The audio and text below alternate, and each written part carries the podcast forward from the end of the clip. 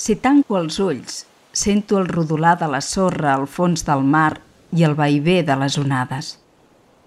Agafo una glopada d'aire, me n'omplo els pulmons i l'expulso amb força per intentar per enèsima vegada foragitar l'aigua que una onada massa grossa ha fet entrar dins del tub.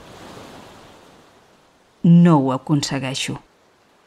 Els meus pulmons encara són massa petits i inexperts. La meva frustració s'esvaeix quan veig una petita sèpia entre dues roques. Els cefalòpodes són els meus preferits. Camuflat entre la sorra, hi ha un petit llenguado que s'ha fet visible en començar a nedar.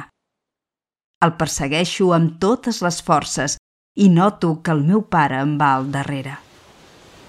No en sóc conscient, però ja estem lluny de la vora i ell està patint.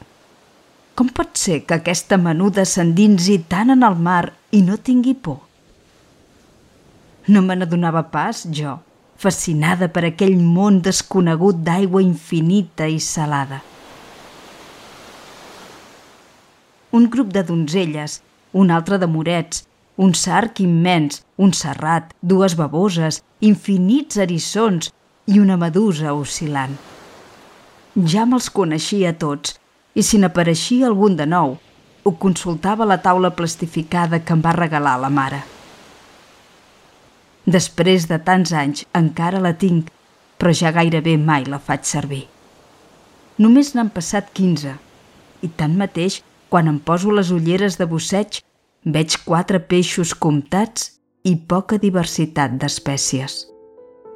Els pescadors no necessiten que els biòlegs els ho expliquin mentre miro uns coralls rere el vidre de l'aquari del centre on faig les pràctiques de la carrera.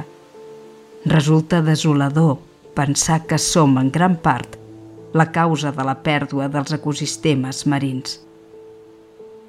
Em pregunto fins a quin punt una aspirant a biòloga i tots nosaltres podem combatre els perills que setgen aquests éssers fascinants, desprevinguts davant els nostres actes i així poder tornar a veure el món amb ulls de nena.